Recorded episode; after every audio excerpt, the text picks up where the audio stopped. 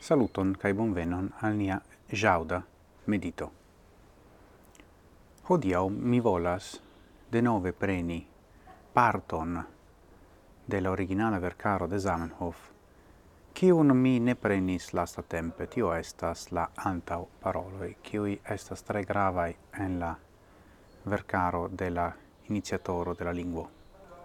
Kai mi prenos parton de la autoporolo alla dua libro 1800 octec hoc kai mi legos el pagio dudec quin La temo estas la criticoi al la lingvo proiecto tiama.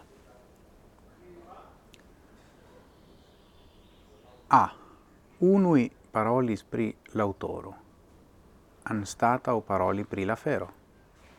Ili au sciutis al autoro rigardigis quiom da malfacile laboro credeble la fero min costis, cae, laudante la autoron, ili prescau tute forgesis paroli pri l'utilezzo cae la signifo de la fero, cae decidigi la publicon labori por gi. Aliai, ne trovante in mia vercola instruitan mixagion cae la instruita teorian filosofadon, kiun ili cutimis renkonti in cia grava verco, timis che la pseudonima autoro eble estas nesuffice instruita, au nesuffice merita, ca il timis esprimi decida in iugion, pli multe penante malcovri, kiu estas la pseudonima autoro.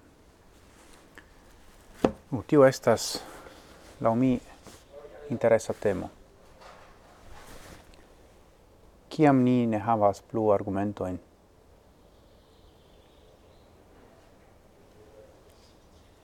pri la merito de afero, ni atacas la parolanto, la proponanton.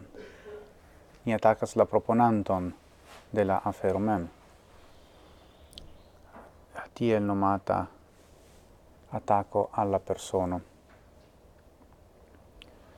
Do, eh, mi pensas che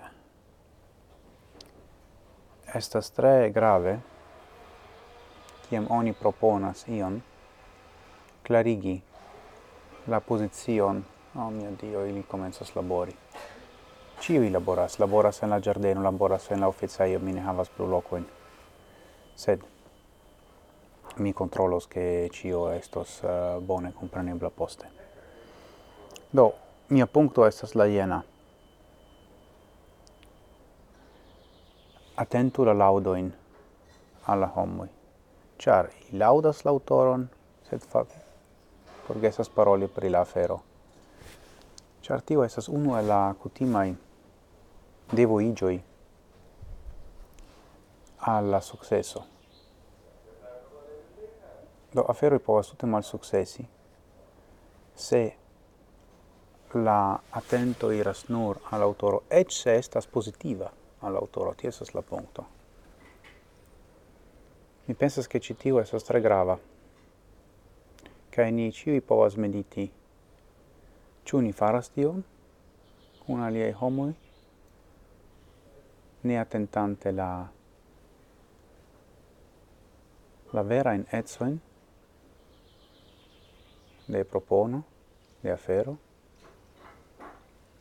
au ciu ni ricevas tion ancao anstataŭ legi nia in verco in au priogi nia laboron, oni attacas nin kiel personojn. no la defendo de Zamenhof placas al mi multe. Char li simple explicite clarigas tion. Char tio iam ni diru, malaltigas la riscon ricevi tion, char vi jam antau supposis, antau vidis la atacon. Kaj ni povas lerni de Zamenhof fari tion konduti same. Nu, dankon pro via atento. Do morgau venos la uh, alia medito kion mi surbendigos nun pro diversae chialoi, quin la subtenanto iam sias, cae por momente, antauen, sen fine.